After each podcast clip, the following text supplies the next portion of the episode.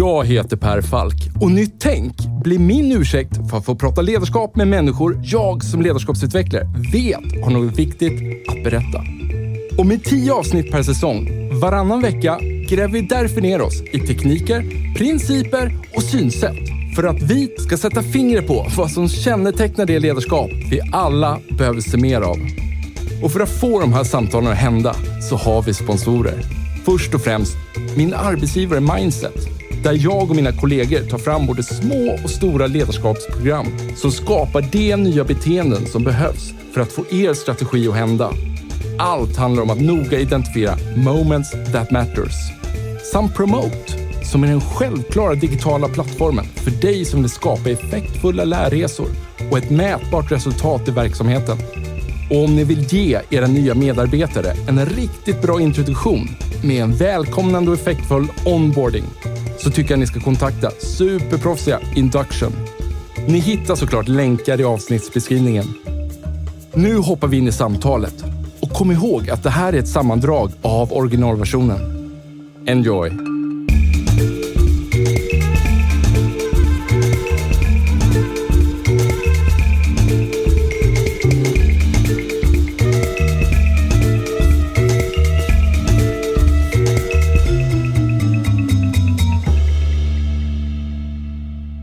Jag kan ofta tänka att eh, om jag som host av, av Nytt Tänk, om det hade varit en rekryteringsprocess, att jag hade ansökt och, och få vara den här hosten, så hade jag, jag är helt övertygad, men jag hade aldrig fått det här jobbet. Eh, jag hade inte ens blivit kallad till intervju. Jag hade liksom, från ansökan så hade jag fått något så här standardiserat eh, tack men nej tack. Tack för visat intresse.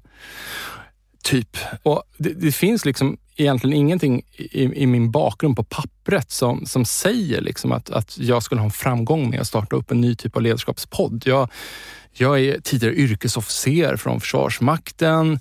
Jag, jag har ingen vana av medieproduktion. Eh, jag menar, jag, visst, jag arbetar som ledarskapsutvecklare, men jag har ju, det finns ju massa människor som har arbetat betydligt många mer år än vad jag har gjort.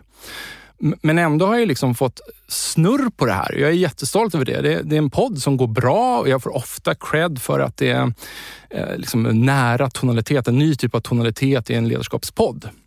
Och jag kan också liksom gå och tänka på det här, kanske inte från mig själv i, i centrum, men så tänker jag så här att ja, men om, om det här är så för mig, det vill säga att jag skulle inte få jobbet att vara host för Nytt Tänk, då, då måste det här pågå på andra ställen också. Eh, och att det måste ju ske sån otrolig loss of value i organisationer för att rätt personer kanske inte är de som i slutändan kommer fram. Mm. 100 procent. Det händer ju varje dag. kan, vi, kan vi till och med sätta några siffror på det eller?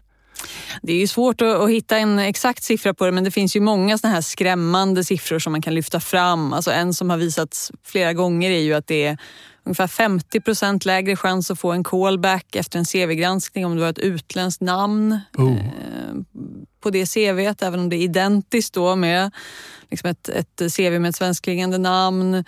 Eh, kvinnor bedöms som mer högriskrekryteringar till ledarroller även fast de har samma meritlista. Eh, bedöms ha lägre framtida potential. Ehm, uh, unga som saknar erfarenhet liksom, uh, undervärderas ständigt på arbetsmarknaden i Sverige. Alltså, det finns ju massa såna här liksom, exempel att lyfta fram. En ineffektivitet. En helt. ineffektivitet, helt ja. klart. Vad kan vi göra då? För det innebär ju, om det är en ineffektivitet, i det här fallet då att lyfta fram talang, ett ineffektivitetsproblem, då innebär det ju att vi tappar värde och det innebär ju också då att man borde kunna göra någonting åt det här. Mm. Man borde liksom ägna mer intresse åt det. Mm. Så vad kan man göra? Flera saker ska jag säga. Alltså en av de absolut viktigaste är ju att eh, försöka rensa ut metoder som är väldigt hårt drabbade av bias, diskriminering, eh, stereotyper förstås. Mm. Eh, men en annan jättestor del som driver den här liksom ineffektiviteten på arbetsmarknaden är ju definitionen av kompetens, skulle jag säga. Eh, och att vi fortfarande dras med en väldigt gammaldags definition av vad kompetens är. Ja. Vi ska ju alldeles strax börja prata vidare om det, men för att bara zooma ut och bara sätta lite kontext här vad det här avsnittet ska handla om. Vem är du Kajsa? Eh, jag är psykolog eh, och doktor i företagsekonomi från Handelshögskolan i Stockholm. Så eh, efter psykologprogrammet så eh, var jag ett antal år på Handelshögskolan och forskade kring det här med talent management och eh, effekter av att utse talanger i organisationer. Ja. Ägnade väldigt mycket tid åt det på olika sätt. Undervisade mycket också både på utbildningen och företagsutbildningar och sådär. Och skrev också en bok i det här ämnet då, som heter Talang för människor. Och talent management, kan vi definiera det för någon som liksom kanske har hört begreppet flera gånger men, men inte till 100 procent förstår vad det innebär. Ja, med all rätta kan man ju säga då, för det saknas ju en vedertagen definition av det här. Det är ju liksom ett begrepp som folk slänger sig med hela tiden. Men eh, generellt så kan man ju säga att det är alla de liksom aktiviteter som ett företag ägnar sig åt som syftar till att attrahera, identifiera, utveckla, behålla duktiga människor helt enkelt. Och en stor fråga här, men vad var slutsatsen då i din forskning? Ja, kortversionen. Eh, en huvudslutsats kan man säga var att eh, de som utses till talanger eller high potentials eh, börjar identifiera sig mer med ledningen. Alltså att man börjar se sig själv som en ledningsperson även om man inte formellt är det än. Ah, okay. Låt oss ta upp den frågan lite vidare in här i avsnittet. Vad gör du idag Kajsa? Idag finns jag på en svensk startup, nästan scale-up får man lov att säga nu, som heter Alva Labs där vi utvecklar en plattform för, eh, för rekrytering och urval. Vi hjälper våra kunder att utvärdera kandidater, screena kandidater på ett mer effektivt och objektivt sätt. Det här är ju faktiskt det andra avsnittet om rekrytering mm. i Nytt Tänk. Och varför jag har valt att liksom återkomma till rekrytering är för att för min utifrån mitt perspektiv är det liksom det rekryteringsögonblicket allt startar i ett företag. Det kommer betyda otroligt mycket vad som kommer hända och inte hända i den här organisationen. Och framförallt så tror jag att synen på rekrytering, hur man rekryterar, hur man ser nu på, på talang och kompetens kommer säga så mycket om den kultur som finns inom organisationen och, och åt vilket håll man kanske vill. Absolut. Ja. Så jag tänkte så här, vi, vi tar det från början eh, och börjar gräva ner oss i det här. Och Då ska jag börja med att bara fråga, finns det några seglivade myter kring talang och kompetens? Till börja, liksom, är det samma begrepp ens? Jättebra fråga. Eh, generellt sett, alltså, historiskt sett har det ju inte varit det. Utan liksom, eh, ordboksdefinitionen av talang har ju varit eh, fallenhet, alltså någon slags medfödd tendens att vara ovanligt bra på någonting. Mm. Eh, men idag skulle jag säga att de där begreppen håller på att liksom konvergera mer och mer. Mm. Eh, och begreppet talang används väldigt mycket så som man använde begreppet kompetens förut. Alltså alla de färdigheter, egenskaper, beteenden, kunskaper som gör att du som individ är värdefull för organisationens framgång. Ja. Och då låter det också som att man kanske zoomar ut ett kompetens då inte bara har att göra med sakkompetensen mm. i en viss fråga. Mm. Det är ju det eh, man hoppas ska ske. Och där ser man ju att eh, fortfarande hänger det kvar en väldigt traditionell föreställning ofta om att kompetens handlar om antal års erfarenhet och en viss examen på pappret och sådär. Ja. Men tittar man på forskningen nu så finns det liksom ett överväldigande stöd för att det som verkligen utgör kärnan i kompetens idag, det är det här som lite felaktigt kallas för soft skills. Ehm, alltså förmågor som har att göra med hur du är som person. Sociala färdigheter, benägenheten att vara kreativ, innovativ, hantera osäkerhet, eh, hantera komplexitet och sådana saker. Ja. Sjukt intressant och det är därför du är här. Jag blir så glad. Så om vi börjar gräva ner oss då lite i kompetens. Vad, vad, kan man säga mer om, om begreppet? Alltså, som sagt, det, det, det, finns en del seglivade föreställningar här. Eh, framförallt just det här med att det framförallt skulle handla om hårda kunskaper eller vad man ska säga. Alltså saker som du har läst dig till i eh, utbildningssammanhang eller i arbetslivet. Sådär. Eh, men vi vet ju idag att de delarna ofta är mycket mer föränderliga, mycket mer utbytbara, ibland också automatiserbara mm. än vad de här liksom djupt mänskliga förmågorna är. Sen finns det också massor av myter och föreställningar kring hur man identifierar kompetens. Alla har säkert hört någon chef prata till exempel om att ja, jag känner igen en stjärna när de kommer in genom dörren. Eller liksom, det, här, det här hörde jag efter fråga ett, att det inte var rätt kandidat eller såna här saker. Idéer om att man liksom kan ha en väldigt god intuition för vem som är kompetent och liksom nästan se på en människa om de är smarta eller inte. Ja. Jag, jag tänker mig att problemet är ofta det att folk kanske känner till att det är svårt, liksom att den där maggruppskänslan då, att den oftast leder en fel. Men man tänker att, men det gäller ju inte mig. Mm. Mm. För, för, att känslan är så otroligt stark inom mig. Mm. Mm. Verkligen. Det är jättesvårt att göra sig av med den där liksom känslan av att så här, men jag känner ju så starkt att jag förstår vem som är rätt här för den här rollen. Kan du känna så ibland? Absolut, garanterat. Eh, och Det är också djupt mänskligt att vi litar på vår intuition. Ja. Liksom. Ofta gör vi rätt i det, eh, men, men inte just här. då. Ja. Men vad är det du känner då? I det ögonblicket när du känner att den här personen liksom is the shit. Vad tror du det är som framkallar den känslan? Alltså jag skulle vilja använda ett begrepp som kommer från en forskare som heter Jörgen Sandberg som brukar prata om competence as a way of being. Alltså det vi uppfattar som kompetens är ofta ett sätt att vara. En, en viss stil eller en viss framtoning som vi har lärt oss att förknippa med kompetens. Mm. Men som kanske snarare är någonting som man har lagt sig till för att man har gått på en viss skola eller jobbat på en viss arbetsplats. Och, så där. Eh, och Det är därför tror jag som ofta personer som har jobbat på ett visst företag, till exempel låt säga en managementkonsultbyrå eller någonting sånt, tycker ja. att andra som kommer därifrån verkar så himla kompetenta. Ja. För att vi här, i, i massa mikrobeteenden eh, eller har samma typ av mikrobeteenden kanske. Ja, absolut. Eller, liksom, eller, eller yttre grejer vi hänger på oss. Vi, vi ser likadana ut, kanske har lite samma typ av mimik, mm. vem vet? Mm. Kanske resonerar på samma sätt. Mm. Finns det någon spännande forskning på något sätt som, som visar hur fel vi kan ha? Oh ja, det finns väldigt mycket sån forskning. Ja. Eh, och då är det ju mycket de här studierna som vi var inne lite på där man ser att folk tenderar att överskatta kompetensen hos personer som har gått på samma skola som en själv. Personer som är långa, eh, manliga kandidater. Eh, kandidater med så att säga, inhemsk härkomst. Eh, det finns massor av sådana studier. Mm. Och sen när man försöker bryta ner vad det där består i så ser man att det ofta till exempel då handlar om att man överdriver fokus på negativa, liksom, eh, vad ska man säga, negativa indikationer när det gäller låt säga, kvinnliga kandidater. Mm. Och stirrar sig blind på att just den här kandidaten har ju inte gjort just den här grejen. Mm. Medan man med då en manlig kandidat har mycket mer överseende med det och tycker att ja, det kan han liksom lära sig sen. Så att vi bedömer meriter på olika sätt. Ja. Så, så, att om man kan identifiera sig med någon så låter det på dig då som att vi är lite mer oförlåtande för skavanker som dyker upp och vi övervärderar det vi tycker oss känna igen. Då, då. Precis. Ja. Så vilken form av tester fungerar bättre än andra typer av tester? Precis. Alltså det viktigaste är ju att tester ska bygga på en ett, ett, ett, det som man kallar för ett valitt koncept från forskningen. Alltså, ja. Det ska mäta någonting som vi vet har bäring på framtida prestation.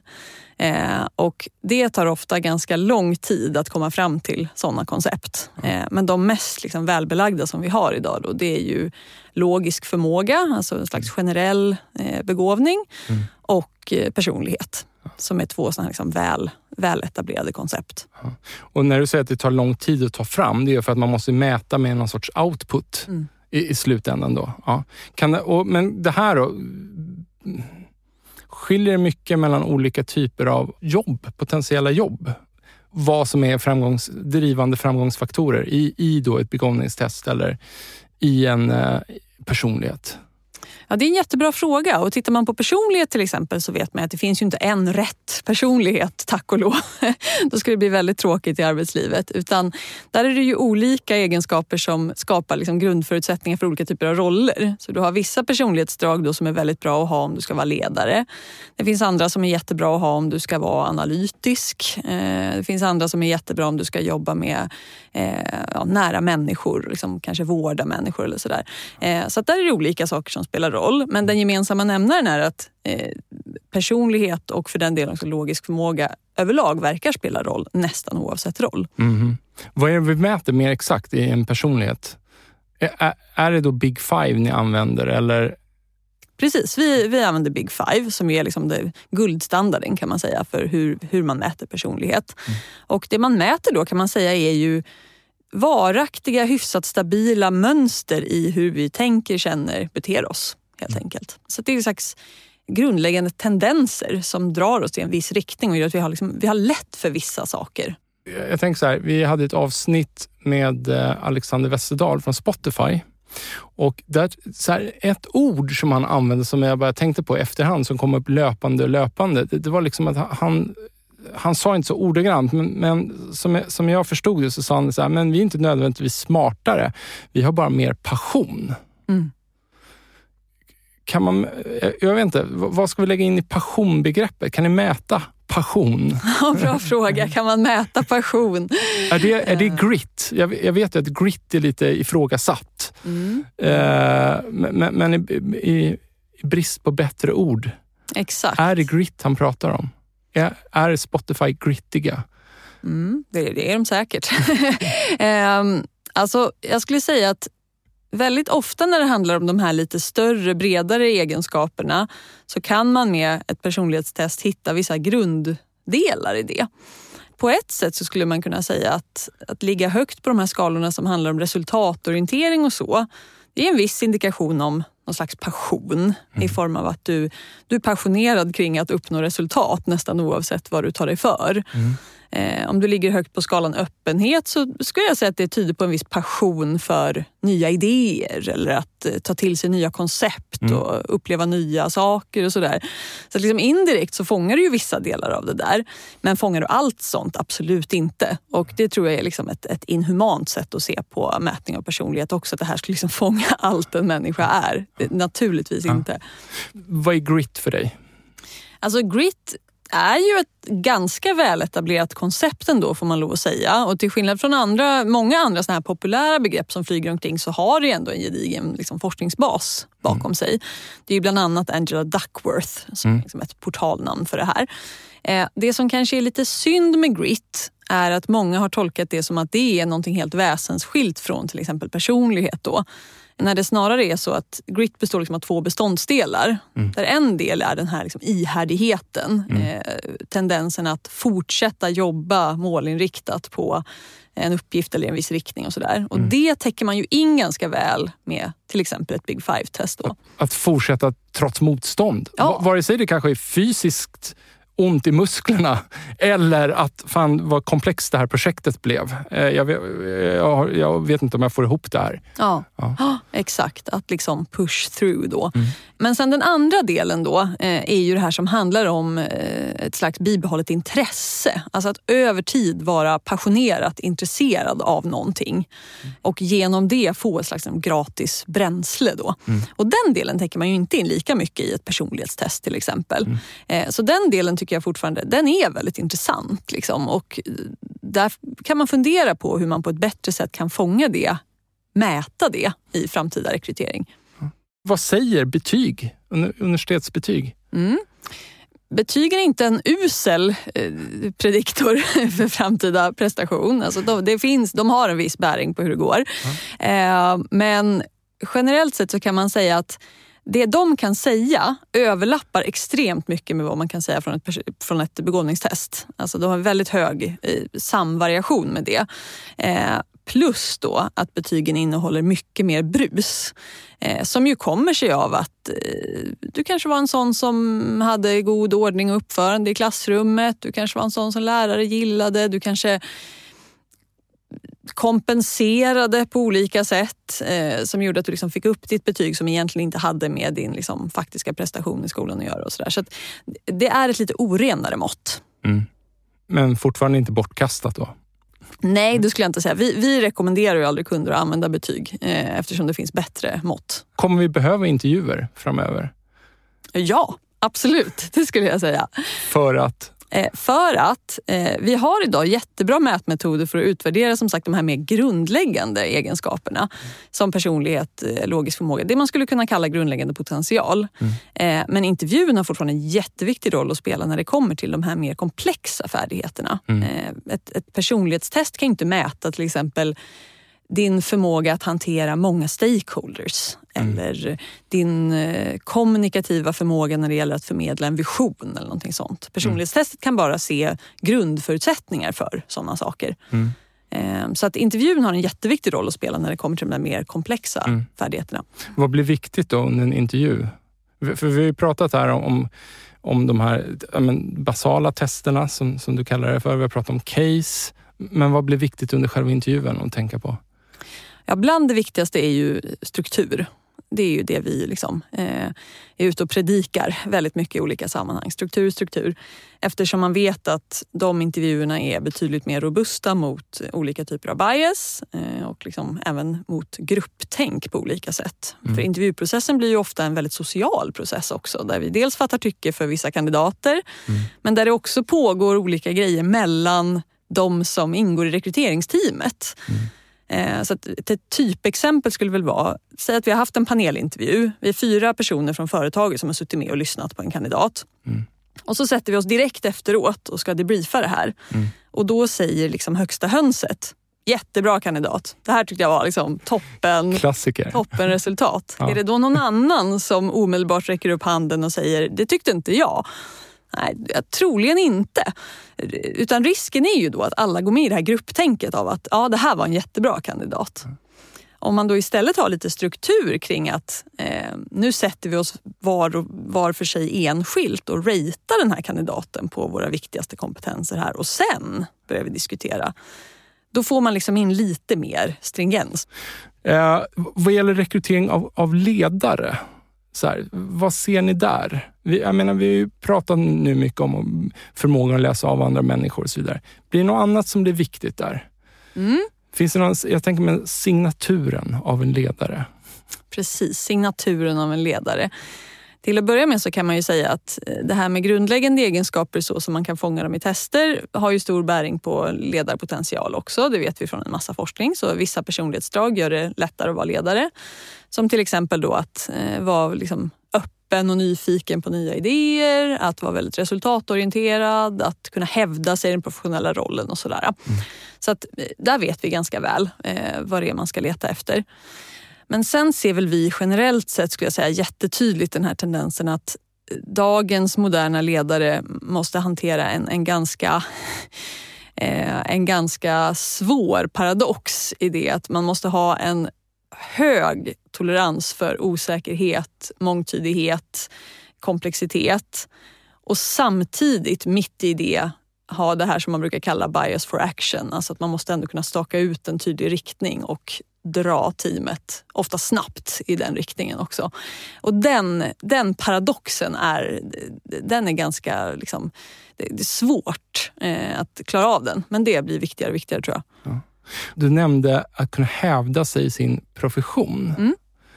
vad menar du här? Precis, det är ju det här ordet på engelska som jag verkligen tycker saknar en bra svensk översättning och det är assertive. Ah, okej. Okay. då tänker jag mig någon som är inte påstridig, men liksom ändå säker på sin sak. Ja, det kan man säga. Kan man liksom, ja. Det kan man säga. Alltså någon som vågar stå för sin åsikt och hävda den även om andra säger emot. Eh, som inte faller in i att hålla med alla andra mm. om man själv sitter och tycker någonting annat. Mm som lite grann också i kritiska lägen kan peka med hela handen och säga nej, nu blir det faktiskt så här. Liksom. Mm. Eh, och även om dagens ledarskap liksom är väldigt annorlunda mot eh, det liksom, den här mer liksom auktoritära stilen som vi kanske förknippar med den traditionella ledaren. Så mm. Det går liksom inte att komma ifrån att en ledare måste ha det där i sig att man man kan stå upp för sin åsikt, hävda den och också föra igenom den. Liksom. Men om man har hypotetiskt har lågt på det, eller, eller högt beroende hur deras skalor är liksom, som vi pratade om, hur, hur de nu designade. Men eh, att det kommer inte naturligt för mig att vara assertive. Jag, om jag vet om det då? Jag, jag, kan inte lära mig att vara det då, eller veta att det här måste jag beakta hos mig själv på något sätt. Jo, det tror jag väldigt många människor kan. Eh, och det tror jag många ledare kan vittna om också. Att det är någonting som man har tränat upp över tid. Mm. Så det, det, är ingen motsägelse i det tycker jag. Men däremot är det självklart så att det blir lite ytterligare uppförsbacke för den mm. som måste göra det än för den där det här kommer naturligt. Så man kanske skulle kunna säga att man, när ni screenar fram folk, man får inte ha för många uppförsbackar. Men har man en, då kanske man kan hantera det. För att man har väldigt mycket nedför på en annan. Absolut. Absolut, det är ett väldigt bra sätt att uttrycka det. och vad gäller, så om vi zoomar ut då, så här, den här ledaren då, och du beskriver signaturen av, av, av den personen då, men vet vi någonting om teamsammansättning och team. Har ni någon data där? Mm. Eh, det här var en del av vår kärnprodukt från början. Eh, att eh, jobba med liksom teamsammansättning, teamutveckling utifrån personlighetstest. Mm -hmm. Det har vi gått ifrån helt enkelt för att vi är tvungna att koncentrera oss Attans, ja. på en sak i taget. Men du vi... kanske har någonting där ändå? Ja, absolut. Jag, jag hann ägna ganska mycket tid åt att liksom sätta mig in i ja. de frågorna. Och en sak som man kan se jättetydligt i forskningen är att det finns vissa samband mellan vad man har för teamsammansättning i personlighet och hur det teamet mår och hur de presterar. Och intressant nog så kan man se att på vissa egenskaper är det väldigt gynnsamt att ha spridning och vara olika och komplettera varandra. På vissa egenskaper är det väldigt jobbigt att vara olika. Och en av dem är ju den här eh, som kallas för samvetsgrannhet då. Mm. Som ju handlar om att vara resultatorienterad, flitig, hårt arbetande, noggrann, strukturerad. Liksom det klustret. Mm.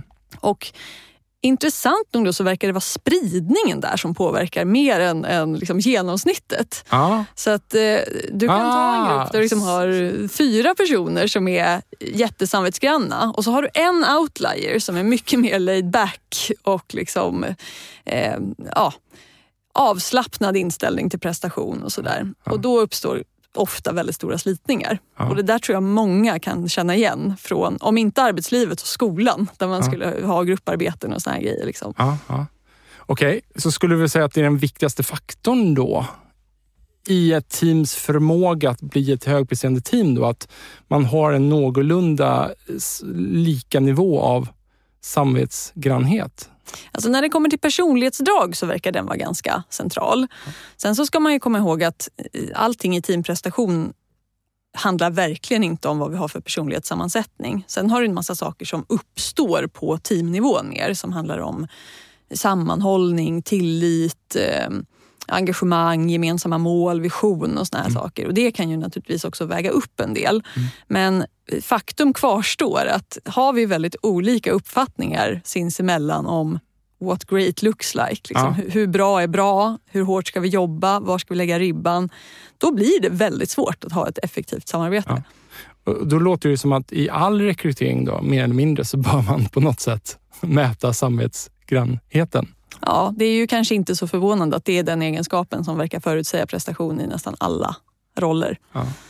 Um, sen finns det en egenskap till som verkar ha ganska stor bäring då på hur, hur team mår och presterar. Och, uh, det är den här egenskapen vänlighet som den kallas i Big Five. Som alltså handlar om att du är varm, inkännande, artig, konsensusorienterad, diplomatisk kontra att vara mer krass, rättfram, rak, citattecken ärlig. Ehm, och det här tror jag väldigt många känner igen också från sitt arbetsliv. Att I grupper där man är väldigt blandad på den skalan så uppstår ofta mer friktion och missförstånd och sårade känslor eh, och jobbiga konflikter och sådär.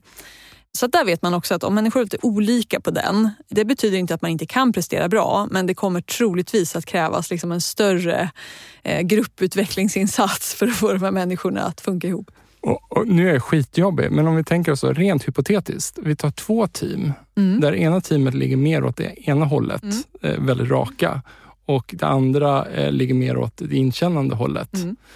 Vilket av de två presterar bäst då?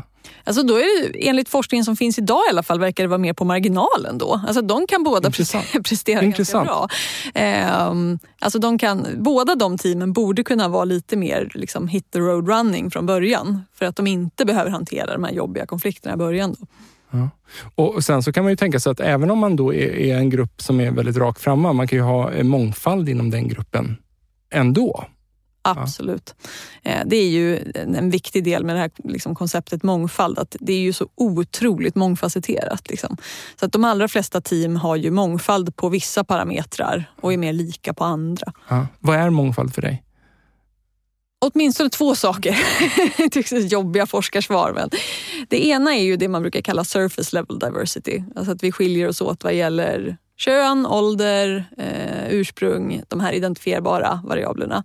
Det andra är det som man kallar för deep level diversity. Alltså vi kommer in med olika erfarenheter, kunskaper, eh, värderingar och så vidare. Eh, och de där två självklart finns det samband däremellan men de är inte riktigt samma sak. Eh, och jag tror att de flesta ändå är överens om att det är deep level diversity vi vill åt för att få de här utfallen kring liksom kreativitet, innovation och så. Mm. Men vägen dit går ju ofta ändå genom att vi måste försöka stärka upp båda två. Project Oxygen och Project Aristoteles. Mm. Eh, är det bra eller dåligt enligt dig? Jag tycker det är jätteintressant. Ja. Spännande. Jag tycker det är sjukt intressant. Mm. Och då tänker jag speci så här, jag använder mig det eh, löpande. Men jag tänker just det vi pratar om med, med team här och Project Aristoteles. För, för där, och det här var också pratat om i andra avsnitt, men det känns som att en av konklusionerna var där att i de hög, i, när man screenade ut högpresterande team, mm. som de facto var högpresterande, så kunde man se att medelnivån på liksom empatisk förmåga in, inom gruppen var högre än medel. Mm. Mm. Och, och, att det var den drivande, som jag förstod det, var den drivande kraften. Mm. Precis. Och en grej som var väldigt intressant tycker jag med, med, med det projektet var ju att man så tydligt hade tittat på vilka beteenden är det man ägnar sig åt i de här teamen som gör att man upplever att det är tryggt och empatiskt och sådär. Och då var det ju till exempel det här som man kallar för ostentatious listening, alltså att man stänger ner datorn när man ska lyssna på varandra, man tittar varandra i ögonen, man är tyst när andra pratar och sådär. Och det där tycker jag är ett väldigt liksom, det är ett väldigt aptitligt sätt att se på empati. För då blir det mindre fokus på att det här är någon inneboende egenskap ja, som vi har. Ja. Och mer att så här, om vi kan lära oss i teamet att utveckla de här beteendena, ja. då uppstår den här tilliten och den här liksom känslan av... Och, och du som psykolog, då, då så här, vad kommer först här? Om jag nu inte känner den här tilliten och jag tycker att det känns fjantigt att stänga igen eh, datorn när vi ska prata med varandra. Men okej, okay, jag gör det ändå. då kan känslan av tillit växa fram bara för att jag tvingar mig till att börja med ett beteende? Ja, 100 procent. Ja. Det är en av de stora myterna som vi går omkring och bär på. Att vi alltid tror att känslan ska komma först. Eh, I allt ifrån att nej, men jag har ingen lust att gå ut och träna nu nej. Eh, till att nej, men det känns inget bra i den här relationen så jag liksom, eh, ska inte ägna någon tid åt den eller sådär. Eh, när det i själva verket ofta är precis tvärtom. Att ändra beteendet så följer känslan efter.